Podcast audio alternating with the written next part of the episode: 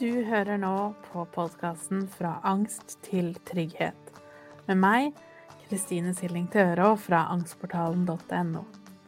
I denne podkasten skal vi snakke mer om hva angst er, hvordan du kan utfordre den, og hvorfor trygghet er så viktig.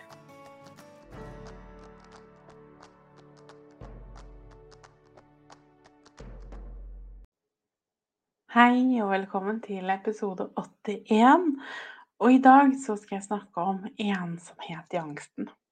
Og som vanlig så vil du nå finne en videoversjon på YouTube og en vanlig lydversjon, en podkastversjon, der hvor du vanligvis hører på podkast.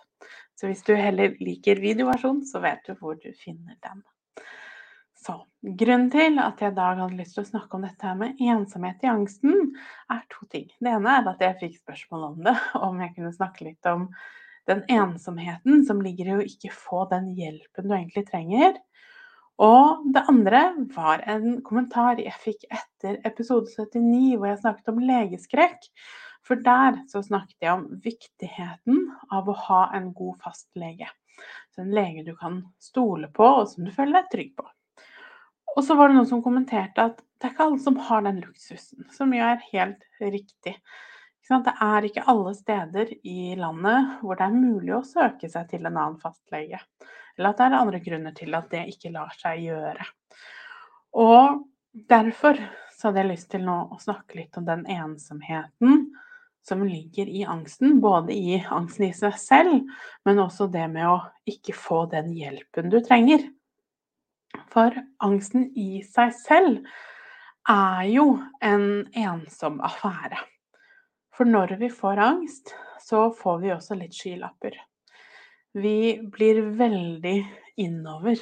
Vi legger veldig godt merke til alt vi føler og kjenner på. Og det kan være litt vanskelig noen ganger å relatere seg til andre. Eh, og det er noe som skjer med andre, og som er helt naturlig, en helt eh, naturlig del av angsten.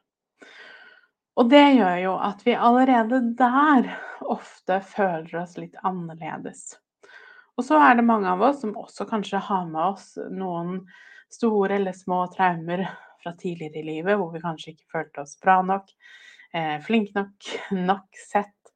Eh, at vi rett og slett ikke følte at vi helt var en del av vennegjengen eller familien, eller omgivelsene rundt oss. At vi kanskje følte oss litt utenfor. Og når vi da i tillegg får angst, så vil gjerne den følelsen forsterke. Forsterke seg. Og så får vi angst. Eh, og så ber vi om hjelp. De fleste vil jo da kanskje kontakte fastlegen, som er et naturlig sted å starte. Og så føler vi kanskje ikke at vi blir helt enten tatt på alvor, eller legen forstår det ikke helt. Kanskje du får et Eh, et riktignok velmenende råd, men kanskje et råd som ikke gjør så mye. F.eks. som at kanskje du skal gå deg en tur, eller har du tenkt på å kanskje være litt mer positiv, f.eks. Og da gjør jo det at den følelsen av å ikke bli forstått, eller den følelsen av ensomhet i angsten, vil jo bare forsterke seg. Og i tillegg så er det altfor mange som også kanskje får et avslag fra f.eks. DPS, som ikke får den hjelpen til tross for at du både er motivert og ønsker og trenger den. Eller du må stå i lange, lange køer for i det hele tatt få noe som helst hjelp. Og alt dette her er jo da med på å forsterke vår egen opplevelse av at det er deg det er noe galt med. Jeg er den eneste her som kjenner på denne type angst. Fordi det ser ut som at alle andre har det bra eller får det bedre, mens her sitter jeg og får ikke til noen ting. Og klart, Alt dette her blir jo selvforsterkende, og det er ikke så rart når vi kombinerer alle disse puslespillbrikkene, så er det ikke så rart at vi føler at det er meg det er noe galt med, og at vi kanskje føler oss litt isolert og ensomme. Ingen forstår, kan, ingen kan hjelpe meg. Og derfor så trenger vi jo enda mer å forstå at det du kjenner på, er det så mange som kjenner på. Og det er nesten litt sånn angsten sin natur å føle på den ensomheten. Å kunne tilgi seg selv også litt for at vi føler det vi føler. at det er tross alt ikke så rart. For når vi ikke føler at vi blir møtt, til tross for at vi forsøker å, å få hjelp eller bli møtt på en eller annen måte, så vil vi gjerne da føle oss mer og mer ensomme. Så hvor skal man da starte? Altså hvordan skal man få hjelp når man står midt i det, og det egentlig ikke er noe hjelp å få, eller i hvert fall det føles som om det ikke er noen hjelp å få. Det første er jo å se om vi kan klare å identifisere hvor du er akkurat nå. Vi må vite hvor vi er for å vite hvor vi skal. Og det er jo derfor også de tre fasene så hvis du, ser, hvis du ser på YouTube nå, eh, du ser de tre fasene på boka mi bak her. Så det er rødt, gult og grønn fase. Hvor da rød er akuttfasen, hvor alt er eh, voldsomt mye symptomer, lite energi. Gul fase er bearbeidingsfasen, hvor vi begynner å bli litt klare for å bearbeide følelser, traumer, alt dette her. Og grønn fase, hvor vi begynner å bli klare for å komme ut i jobb igjen, eller ut i verden igjen, eller eh, måtte leve livet igjen uten at angsten hele tiden styrer deg. Så det første ved å vite hvor du er, altså hvilken fase er jeg i nå, hva, hva er det jeg kjenner på, og hvordan kan du relatere til andre som har det sånn. Og det er nettopp derfor også at de fasene er viktige for meg, for de tilbakemeldingene jeg får, sier jo også nettopp det at når jeg leste om akuttfasen f.eks., så kjente jeg meg så igjen, og da så jeg at jeg var ikke alene allikevel. At det jeg føler på er en helt naturlig del av angsten, i stedet for et tegn på at jeg ikke får til, at jeg er mislykka, at det er noe galt med meg. Og det vil sannsynligvis ta litt tid å ta til seg. Men sakte, men sikkert så vil det være lettere å forstå at det du føler på, er helt naturlig, og det er ikke deg det er noe galt med, men heller at det du kjenner på, er helt naturlige symptomer og resultater av ting du har opplevd. Um, og når vi da vet hvor vi er, så kan vi også begynne å legge en plan. For det er helt naturlig når vi føler oss litt sånn oppi et hjørne, at angsten blir litt mye for oss. Vi føler ikke vi får helt eh, hjelp som funker. Ehm, vi føler oss veldig alene og ensomme i angsten. Så vil vi også naturlig nok bli litt desperate.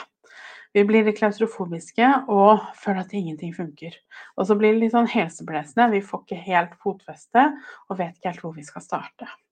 Men når vi da i hvert fall vet hvor vi er, hvordan jeg har det, eh, hvor på angstskalaen er jeg akkurat nå, da kan vi begynne å legge en plan. Og så må vi da huske på at angstmestringsprosessen er nettopp en prosess som tar tid.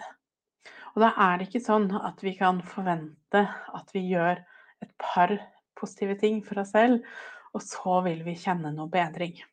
Det er ikke helt sånn det funker, men det betyr ikke det samme som at det du gjør, ikke funker. Og et um, bilde jeg liker veldig godt på det, er hvis du ser for deg en sånn stor vekt som de har på, på Vegvesenet. Altså en sånn vekt som, som, veier store biler. Og hvis du da ser for deg at du står foran denne vekta, og så har du masse fjær med deg. Og så legger du på én fjær på denne vekta.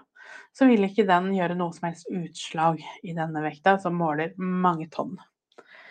Og du kan kanskje legge på to fjær, og ti, kanskje til og med 20 eller 100 fjær, og den vil ikke gjøre nevneverdig utslag. Men på et eller annet tidspunkt i prosessen så vil du, etter hvert som du legger på ett og ett fjær, så vil du til slutt komme på komme fram til den fjæra som blir utslagsgivende. Og det betyr jo ikke at det var den fjæra som endra alt, eller at det var den som skapte utslag i seg selv. Men den hadde jo ikke gitt noe utslag hvis du ikke før hadde lagt på alle de andre fjærene.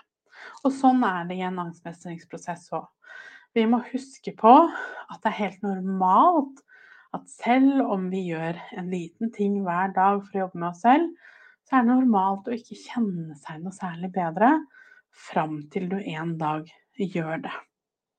Og det kan være et ganske uholdbar sted å være. Et vanskelig å forholde oss til at vi skal gjøre ting som ikke gir oss noe eh, momentan opplevelse av at dette fungerte. Men husk da, til slutt så vil det hjelpe. Og det er derfor de små stegene er viktig, og at trygghet er viktig. Så om du følger 30-dagersprogrammet, eller om du følger oppgaven i boka, eller et helt annet program som passer deg bedre, så husk på det. Neste gang du føler at du er unormal, at det er veldig rart, fordi at din angst er litt annerledes enn andres, F.eks. at du føler at alle andres angst eh, handler om fysiske symptomer, mens din angst den er mer kanskje tanker. Eller at du føler at alle andre snakker om alle tankene de har, men for deg er det mer følelser. Alle har sin angst, og det ene er ikke noe mer annerledes eller unormalt enn det andre. Det bare er, vi er fordi vi er forskjellige.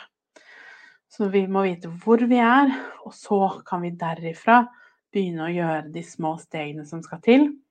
Og til slutt vil vi få betaling for strevet. Til slutt vil den siste fjæra bli lagt på, som blir utslagsgivende.